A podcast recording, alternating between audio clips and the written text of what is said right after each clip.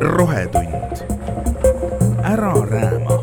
podcasti toob sinuni Eesti pandipakend seekordses Rohetunnis äh, räägime teemast, millest justkui on juba palju räägitud, aga mis äh, seda enam on päevakorral. tänavu esimesest maist jõustus pakendiseaduse muudatus, mille kohaselt peavad pakendiettevõtjad näitama ära, kuidas nad vähendavad ühekordsetelt kasutatavate plastist toidupakendite ja joogitopside tarbimist. ja esimeseks septembriks pidid pakendiettevõtjad oma veebilehel avaldama tegevuskava, mis siis selgitab, mida nad selleks teevad või on teinud ja paari päeva eest teatas sihtasutus Teeme Ära, et see tegevuskava on puudu lausa seitsmekümnelt seitsmel protsendil ettevõtetel.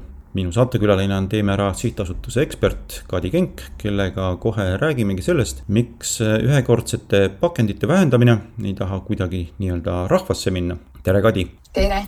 Esiteks, Kadi, räägi palun sellest, milliseid ettevõtteid kogu see teema puudutab ja siis natuke ka sellest, et millistest pakenditest me räägime. me võtsime siis ette sellised ettevõtted, kes kõige tavapärasemalt pakuvad klientidele toitu või jooki kaasamüügiks, mida pakendatakse koha peal ja need pakendid, mida see seadus reguleerib, ongi sellised vormi hoidvad pakendid, et iga kilekoti kohta, kilekottide kohta on meil veel eraldi regulatsioonid, aga, aga jutt käib siis sellised kaanega suletavatest toidukarpidest ja joogitopsidest. kõige tuttavam kõigile inimestele on ehk salatikarp või kohvitops sellistest äh, pakenditest käib jutt. mis ettevõtted need on, kes peavad selle, võib-olla nende jaoks natuke tüütu tegevusega te tegelema, aga äh, kes need on?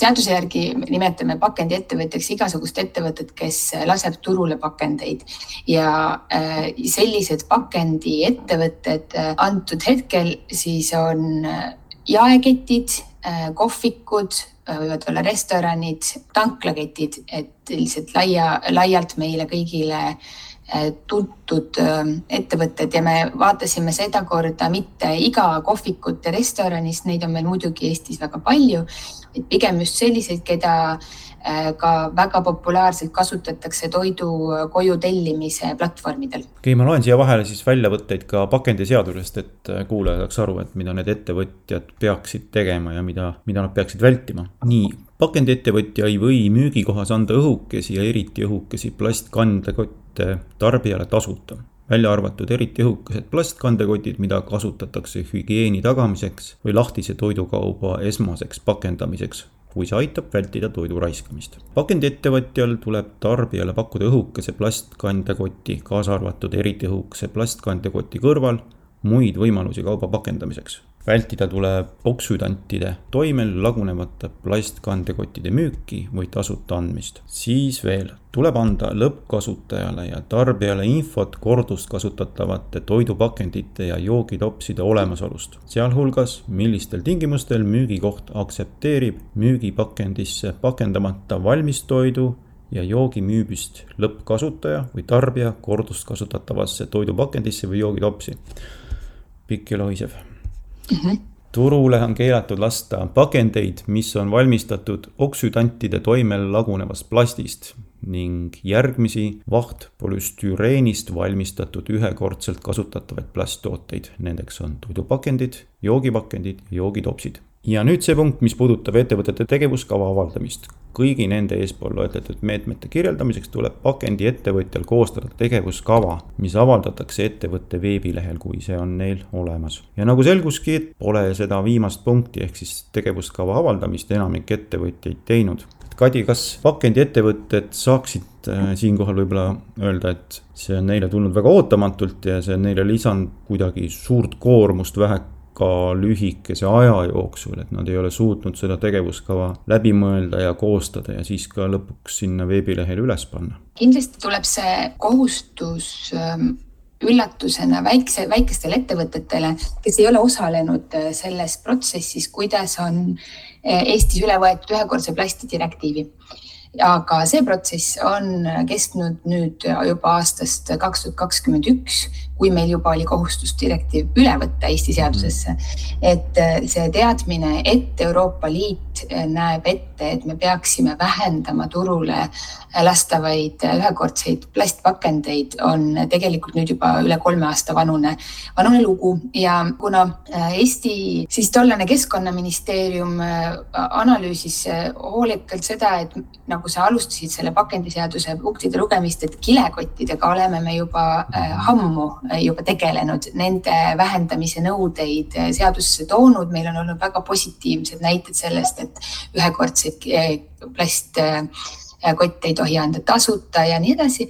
et siis eh, sooviti tegelikult kehtestada samasuguseid nõudeid ka ka kordus eh, või siis ühekordsetele toidupakenditele, toidu, toidunõudele, aga sellel hetkel, kui seadust läbi arutati, olid just vastupidi, ettevõtted väga aktiivselt osalemas selles arutelus, sest neil oli oma nägemus, kuidas nad ise arvavad, et nad saaksid vähendada turule lastavate pakendite hulka. Ja sellest kohast tuligi eh, ministeerium ettevõtjatele vastu ja lihtsalt palus, et kuna riik peab hindama, kas eh, Eestis kehtivad meetmed on piisavad eh, selle eesmärgi täitmiseks, et me aastaks kaks tuhat kakskümmend kuus saame tõepoolest näit näidata, et Eestis on turule lastud vähem ühekordseid toidu ja joogipakendeid kui aastal kaks tuhat kakskümmend kaks, siis mida meie tegime ja sellepärast äh, lihtsalt on palutud ettevõtetel teavitada ja anda see tegevuskava äh, ja tegevuskavade muidugi avalikustamine annab ka arusaama riigile, et kuivõrd aktiivselt siis siiski seadusega esitatud nagu nõuet äh, täidetakse. oled sa lugenud näiteks teiste Euroopa riikide seda üleminekut? Tuleviku seadustamise punkte või, või, või kuidas see on mujal tehtud, ma saan aru, et meil on ikkagi üsna leebe see praegu. meil on väga leebe. noh, selline vabatahtlik, et. meil on vabatahtlik ja, ja seetõttu, et ainus, mida Euroopa Liit nõudis, oli, et Euroopa Liit liikmesriik peab kehtestama meetmed, millega vähendatakse Äh, neid, äh, nende toodete turule laskmist ja tarbimist. ja äh, kohustusliku meetmena kehtib meil siis nüüd alates esimesest jaanuarist üle-eestiliselt see, et avalikel üritustel peabki kasutama ainult korduskasutusnõusid, sest selle läbi me saame kindlalt väita, et vähemalt ühes sektoris väga suurte mahtude juures me enam ühekordse plastprügi tootmisega ei tegele Mm -hmm. et see on üks koht, kus meil siis tegelikult see vähenemine toimub. teistes riik- ja, ja erasektoril siis eh, nagu nendest tegevuskavadest lähtuvalt, et see on nüüd nende enda teha, kuidas nad, kuidas nad leiavad, et see vähenemine võiks toimuda. aga teistes riikides on, on katsetatud erinevaid lahendusi. Eh, mõned neist on eh, põhjalikumad, teised poolikumad, millest saab ka väga palju õppida ka meie, kui me peaksime nägema vajadust, et aastal kaks tuhat kakskümmend neli Eesti ei ole suutnud äh, nende leebete meetmetega muudatust tuua, et siis meil on hea vaadata, et näiteks Saksamaal on kohustus toidukohtadel äh, pakkuda korduskasutusnõud ühekordsete nõude kõrval. ühekordseid nõusid pole küll ära keelatud, aga korduskasutusnõu pakkumise kohustus on kõigil ettevõtetel. kuna aga korduskasutusnõude pakkumise süsteem on jäetud poolikult kirjeldamata või on kirjeldatud väga poolikult mm, -hmm ja pole arvestatud sellega, et korduskasutussüsteem nagu iga süsteem sõltub mingitest teatud komponentidest. sa ei saa kasutada mingit alternatiivset lahendust, kui sa ei ole motiveeritud seda tegema, ettevõte ei paku sulle mitte mingisugust ähm, näiteks rahalist või mingit muud boonust selle eelistamise eest, sest inimeselt käitumise muutumise ootamine on üks nagu väga äh, raske pähkel, mida hammustada mm. -hmm. ehk siis äh, Saksamaa näitel lihtsalt viidates äh, ettevõtetel on kõigil seaduse järgi linnukene küll tehtud, nii nagu meie võime täna öelda, et tegevuskavad on küll avaldatud, aga need korduskasutusnõud on leti all keegi neid väga ei paku, keegi nendega tegeleda ei taha, aga nende kohustus on täidetud. meil on tegelikult korduskasutusnõud olemas, kui klient teab neid tulla küsima, siis me saame neid talle pakkuda. meil on näiteks selline näide, aga siis on ka, on ka näiteks Portugali näide, mis on natukene parem, mis äh, näiteks on seadnud kohustuseks, et ühekordsetele nõudele on kehtestatud maks Eestis oli arutelu all lisatasu mida, mis oleks erinev olnud selle võrra, et kaupmees saab siis sellisel juhul selle lisatasu raha endale, millest ta saab äh, finantseerida korduskasutussüsteemide äh, juurutamist näiteks. aga Portugalis on see siis korduskasutus või ühekordsetele nõudele äh, suunatud maks, mille kogub endale kohalik omavalitsus, kellel on seeläbi võimalik siis valida, kas ta finantseerib selle läbi efektiivsemat ähm, pakendiringlust või, või aitab ettevõtetel samamoodi korduskasutussüsteeme arendada kas oled aru saanud, mis takistab äh, Eesti näiteks jaemüügiettevõtetel, suurtel kettidel panna fuajeesse mõnda juba meil Eestis tegutseva korduskasutussüsteemi automaati ja et see käima läheks üsna selge ja lihtne süsteem. et see läheks samatmoodi käima, nagu me viime ära taarat ja viime ära pakendeid eh, sinna, kuhu me peame neid viima. võib-olla siis tarbijatena meil ongi võimalik täna rohkem eh, avaldada oma arvamust, et see tegelikult ei ole nii keeruline ja me saame sellest aru küll, et me ei ole nii rumalad. aga meil on täna olnud eh, kaks-kolm ketti, kes on teinud erinevatel tasand, jaekettidest näiteks teinud erinevat äh, tasandil äh, piloote, et katsetada, kuidas see võiks toimida. ilmselt see ei üllata mitte kedagi, et äh, kõige suuremaks takistuseks on see, et kui kliendile on süsteem võõras, siis ta ei oska sellega arvestada. no näiteks, et kui ma ühte poodi minnes leian eest korduskasutusnõude, teise poodi minnes mitte, siis ma ei ole päris kindel, kas ma tohin seda kasutada ainult siin või ja kuhu ma tohin seda tagastada, et niisugune ühtsus puudub ja peamine takistus ongi nagu valmisolek teha ühtset kommunikatsiooni, sest et kui sai otsustatud, et me ei kehtesta ühtset süsteemi kõikidele ettevõtetele, siis äh, me tegime riigi innovatsiooniprogrammis äh, läbi sellise harjutuse, et Innotiimi kaudu siis, et aga mismoodi me saaksime teha korduskasutuse normiks kõikjal, ilma et seadus seda nõuaks mm. -hmm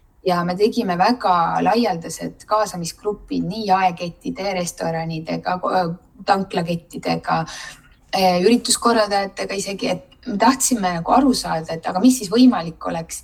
Ja avastasime tegelikult nende kaasamisringide äh, juures, et tegelikult ei olnud ettevõtjad seda seadust äh, kritiseerides, kui neile ühtseid meetmeid kehtestada ei lubatud, väga põhjalikult läbi mõelnud seda, et nende peamine väljakutse on kommunikatsioon kliendiga. ma tahan tegeleda oma äriga, mul, mul tehingu ähm, selline toimumise kiirus on väga tähtis, mu kliendi teenindajal ei ole aega rääkida igale kliendile jälle, mis kohvitopp see on või kuidas ma seda salatikarpi tagastama pean või mis asi on pant ja kui palju sellest ja mis ja kus, kuhu, kellele läheb, mis saab. ja see ongi koht, kus äh, asuti omakorda jälle kritiseerima, miks riik ei võinud lihtsalt öelda, kuidas kõike tegema peab mm. -hmm. ja siis me oleme jälle nokk kinni, saba lahti, aga me ju sooviksimegi tegelikult, et meil oleks ühtne süsteem.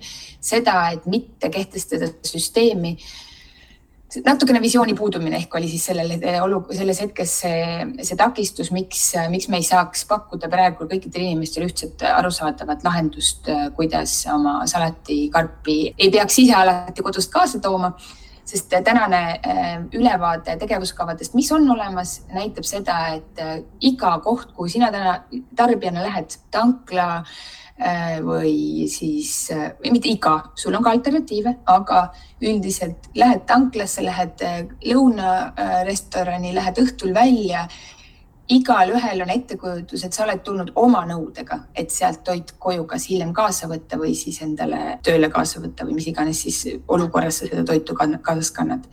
ja nüüd paneme selle nagu tarbija olukorda, et kui paljude nõudega ma siis hommikul kodus välja pean minema selle jaoks, et kõike oma tarbimist nii-öelda toetada et ringmajandus, meie eesmärk ei ole tegelikult üldse takistada tarbimist, aga see on kindlasti üks koht, kus me näeme, et ähm, arusaam, et tarbija ei taha kunagi pakendit, tema jaoks oligi oluline, kas see pudru kätte saada või kohvi või salat või praad, et seda lihtsustada niimoodi, et ta ei peaks tarbides tekitama siis ka automaatselt kohe pakendiprügi. noh, igatahes valmistoidu kaasamüümine, enamik inimesi käivad ühes ja samas poes pakun peast, aga, aga üheksakümmend protsenti inimesi kasutab oma kodulähedast, oma lemmikpoodi peamiste sisseostude tegemiseks. Ja kui tal on vaja sealt midagi kaasa osta, soojatoitu või, või nii-öelda pakendatud toitu, et siis asi see äh, korduskasutatav pakend pärast tagasi tuua järgmine päev või ülejärgmine päev. et ma usun, et see asi võiks küll kiiresti käima minna, aga ma usun, et jah, selle näiteks kütusetanklatel, neil on paras peamurdmine, et kuidas neid asju lahendada, et ainult see, et sul top, oma tops on kaasas,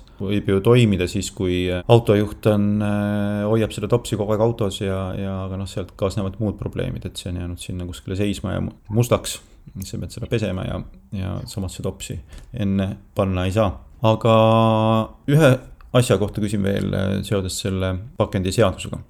ja see, et, et kahe tuhande kahekümne kuuendaks aastaks tuleb äh, siis vähendada ühekordsete pakendite kogust.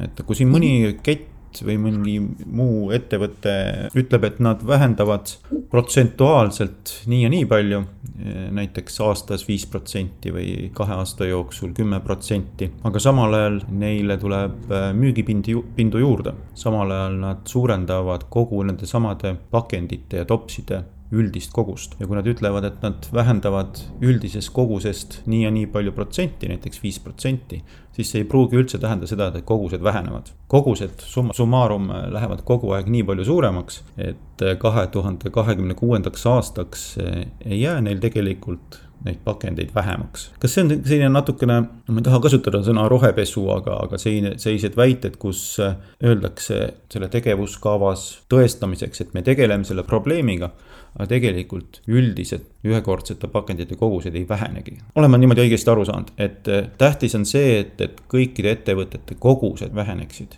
nagu üldised kogused, ehk siis raskus just nimelt, et me tahame näha tegelikult, et ettevõtted, äh, me, me ei ole, me ei tegele täna enam mingite deklaratsioonide tegemisega. ettevõte peaks endalt hoolega küsima, kes selle tegevuskava koostas ja kas selle tegevuskava koostamisel on konsulteeritud äh, sisuliselt vastutavate inimestega, sest et need valikud enam ei ole äh, kommunikatiivsel tasandil, see ei ole turunduslik tegevus. mingisuguste muutuste ellukutsumiseks on vaja muuta ka äriloogikat. meil ei ole nagu soov näha, et me vabandame ettevõtete õigust prügistada sellepärast, et neil läheb nii hästi. aga mm -hmm. me tahame, et ettevõtetel läheks hästi. me tahame, et neil läheks hästi nii, et nad selle arvelt reostust juurde ei tekitaks. on teatud olukordi, kus me saamegi rääkida, et on alustav ettevõte, tal tekibki baasaastaga võrreldes kogu aeg Äh, mingisugune hulk pakendeid juurde. aga antud hetkel me räägime sellest, et aga siis on tarvilik välja mõelda, kuidas su, su ärimudel peaks juba ennetama selle ähm, probleemi teket. ja see küsimus ei ole mitte ainult selles, et mu äri kasvab äh,. küsi-, näiteks kui me räägime jaekettide võrdlusest, siis äh, kas sa oled täiendav äri või sinu äri kasvab selle arvelt, et kellegi teise äri kahaneb sellisel juhul võib isegi öelda, et jah, sa teadki, sinu turule tulek on välja puksinud näiteks mõne muu tegija ja summa summarum jäävadki numbrid nagu samaks. aga kui sa oled uus ja siis sa tood täiendavalt pakendeid turule juurde, siis meil ikkagi matemaatiliselt me saame öelda aastal kaks tuhat kakskümmend neli, millal ministeerium hindab, kas äh, kasutusele võetud meetmed on olnud piisavad, et ilmselt meil on vaja kehtestada kõigile nõue.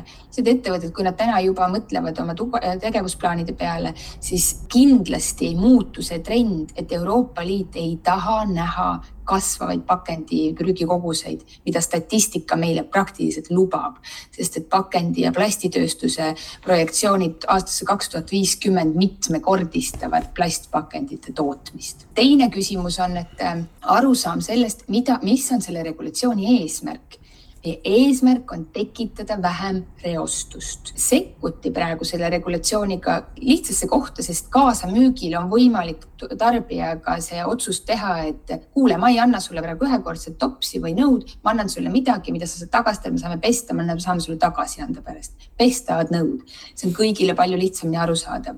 me veel ei ole sekkutud sinna, kus tekib kõige rohkem pakendijäätmeid, mis on tööstus, aga me näeme, et äh, on ettevõtteid, kelle jaoks vajadus lihtsalt teha linnuk, et ma täitsin regulatsiooni võrdub äristrateegias tegelikult veel saastavamate praktikatele üleminekut ehk seda, et järelikult, kui ma enam koha peal ei pakenda, siis ma hakkan eelpakendama. seega, kui ma väidan, et ma vähendan pakendijäätmete teket, siis ma tegelikult ütlen, ma vähendan pakendijäätmete teket kaasamüüdaval toidul, kuid see number kasvab eelpakendatud toidumahu arvelt ma lugesin läbi ka viie-kuue ettevõtte tegevuskavad ja seal jäi silma, et, et on neid, kellel on selline üsna põgus A4-le ära mahtuv suures kirjas ja väga üldine tegevuskava ja siis on ka päris põhjalik, kus on ka kõik muud asjad kirjas, et sotsiaalsed pooled ja on nähtud vaeva, on läbi mõeldud ja kipuvad olema sellised suuremad tanklaketid siin. Circle K jäi silma, et oli väga suhteliselt ikkagi täpselt öeldud, kui palju neil asjad hakkavad vähenema ja mida nad on teinud juba ja, aga jaemüügiettevõtetes oli ka ikkagi neid, kelles, kus eh, ega midagi teada ei saanud või siis pigem öeldigi, et, et lubadust ei saa täita päris sellisel moel, nagu see on, on ette nähtud. oskad sa mingeid näiteid tuua, et mis sul sellest analüüsist silma jäi, et eh, või oskad sa rääkida nüüd täpsemalt sellest analüüsist, et mis valdkonnad olid okeid, kus oli palju puudusi ja mis need puudused siis ka tegelikult olid? me oleme ise Teemääre sihtasutusena pakkunud äh, ettevõttele suve algusest saati abi, et kui nad soovivad äh, nõu, milline see tegevuskava olema peaks, mis vastaks seaduse nõudele, siis me anname neile selle informatsiooni, kui nad täidavad ühe niisuguse põgusa küsimustiku enda kestlikkuse juhtimise teemal üleüldiselt. sest nagu sa välja tõid, ühelgi ettevõttel ei peagi olema ainult üks konkreetne ühekordse plasti äh, vähendamise tegevuskava. ettevõtetel nüüd juba tänaseks peaks olema normaalse äri osa, et nad äh, arvestavadki laiemalt kestlikkusega oma juhtimises, sest kestlikkuse teemad kõikvõimalikes erinevates valdkondades hakkavad mõjutama nende äri üldse võimalust seda teha või hindu, sisend hindu esimene tasand, mis ettevõtetes kohale ei jõua, on see, et alati ei ole vaja kohe midagi tegema hakata. alustuseks peaks teadma, kui palju ma täna üldse midagi teen, ehk et ettevõtted tegelikult oma baasolukorda ei analüüsi üldse. kas ma üldse midagi parandan? nagu sa tõid välja, et ükskõik, kas see protsent on viis, kümme või kolmkümmend, mida ettevõtted kõige tihedamini teevad täna, on, et nende tegevuskava sisuks on, me kutsume klienti ülesse öö, oma nõuga tulema, mis on selles mõttes isegi minu poolt nagu natukene ilustatud, sest et vähe öeldakse, me kutsume klienti ülesse, pigem öeldakse, me võimaldame kliendil tulla oma nõudega. Ja see on väga erinev sellest, kas sa teed turunduskampaaniaid, kas su klienditeenindaja on üldsegi informeeritud sellest, sest et võib ka juhtuda niimoodi, et jah, ma saan küll tulla oma nõuga, aga ainult siis, kui ma teadsin. Ja me täna ju teame kehtivast turupraktikast, et väga vähesed inimesed käivad oma nõudega poes et see, et ma võimaldan seda, tore, seadus nõuabki sul ka seda, et sa pead teavitama, mis tingimustel sa oma nõud vastu võtad, et täita hügieeninõudeid, aga päriselt on, on äh, siiski väga vähe analüüsitud seda, mis see baasolukord on, sest kui sa baasolukorda ei tea, siis võid sa öelda ka tegelikult tegevuskavas et, et sada protsenti äh, loobun ühekordse nõu äh, turule laskmisest ja vahet ei ole, mida sa lubad, sest sa tegelikult ei saa aru, kui kulukaks sulle läheb su enda lubaduse täitmine ja millistel meetmetel päriselt ka mõju oleks.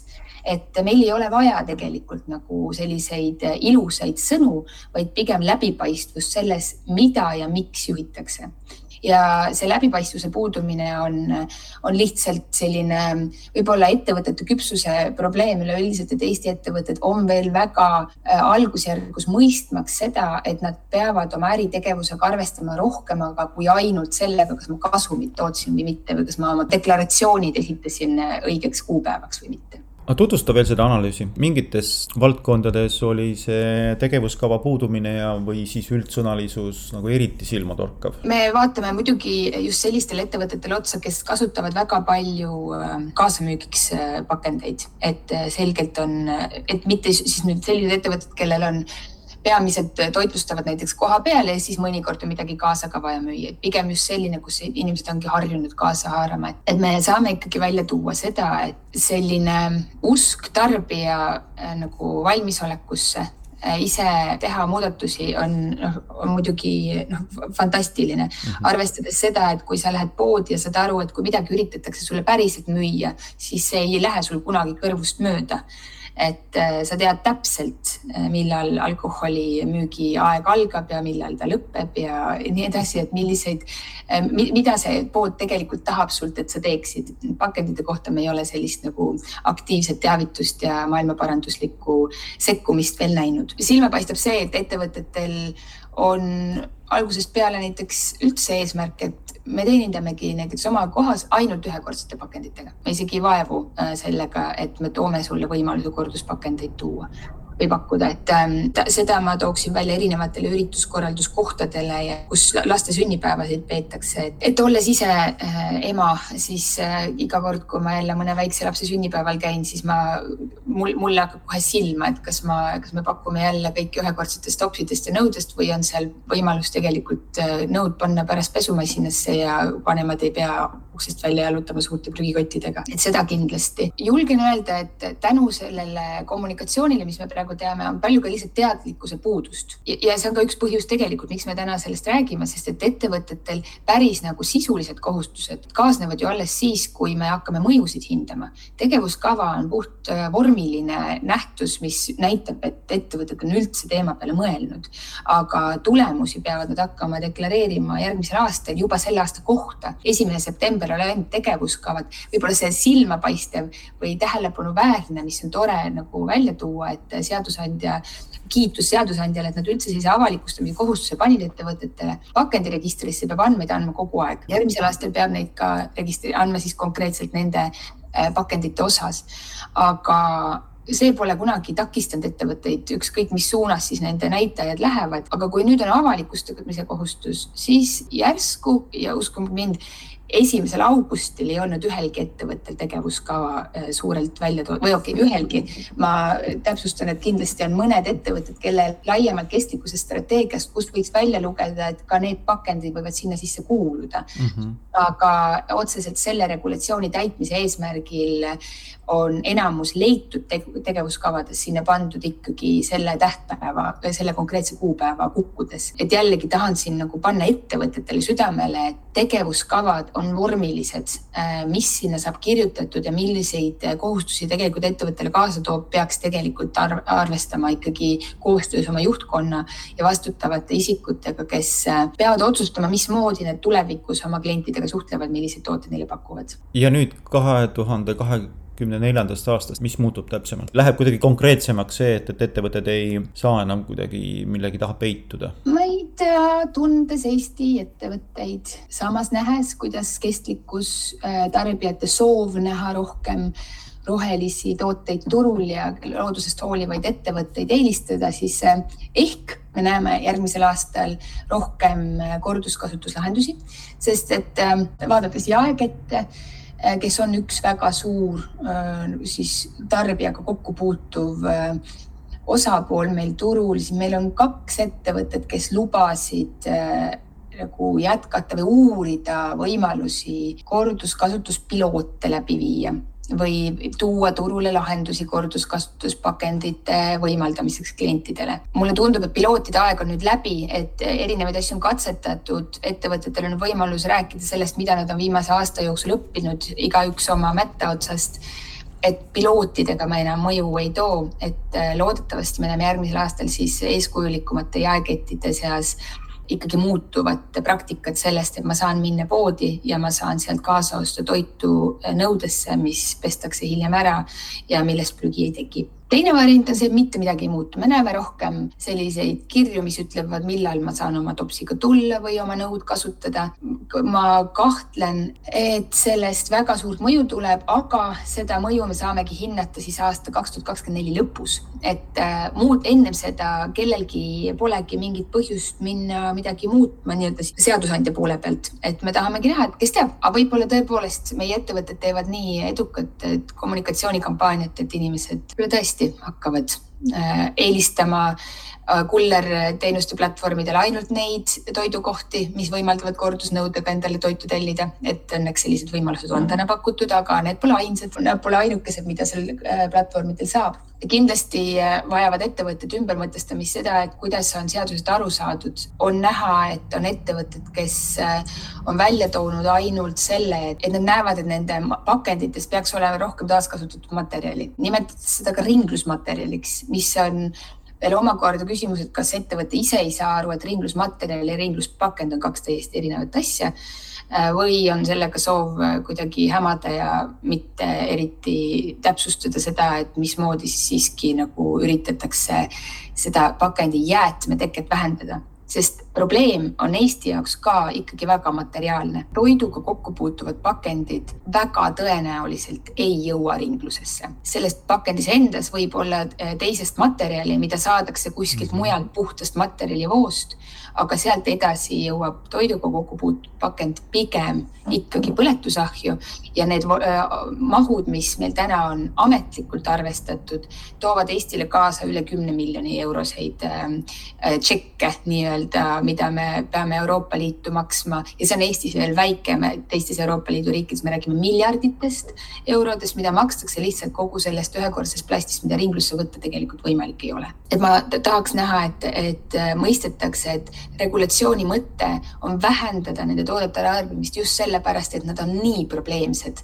küsimus ei ole enam selles, et me suudame ennast siit ringlussevõtuga kuidagi välja nihverdada, et see on eh, toiduga kokku puutuvate pakendite puhul on meil reaalne võimalus vältida selle jäätmeteket üleüldiselt, kasutada kvaliteetseid nõusid, pakendeid ja hoida need pidevalt eh, ka materjalina ringluses sellesama äh, sektori sees. aga suur tänu, Kadi et äh, aitasid selles teemas natukene selgust tuua. aitäh sulle neid küsimusi esitamast. loodame siis, et peagi saame vaadata äh, ettevõtetelt veel läbipaistvaid ülevaateid sellest, äh, mis muutused siis nende esitatud tegevuskavade tagajärjel tegelikult juhtunud on. rohetund. ära rääma. podcasti toob sinuni Eesti pandipakend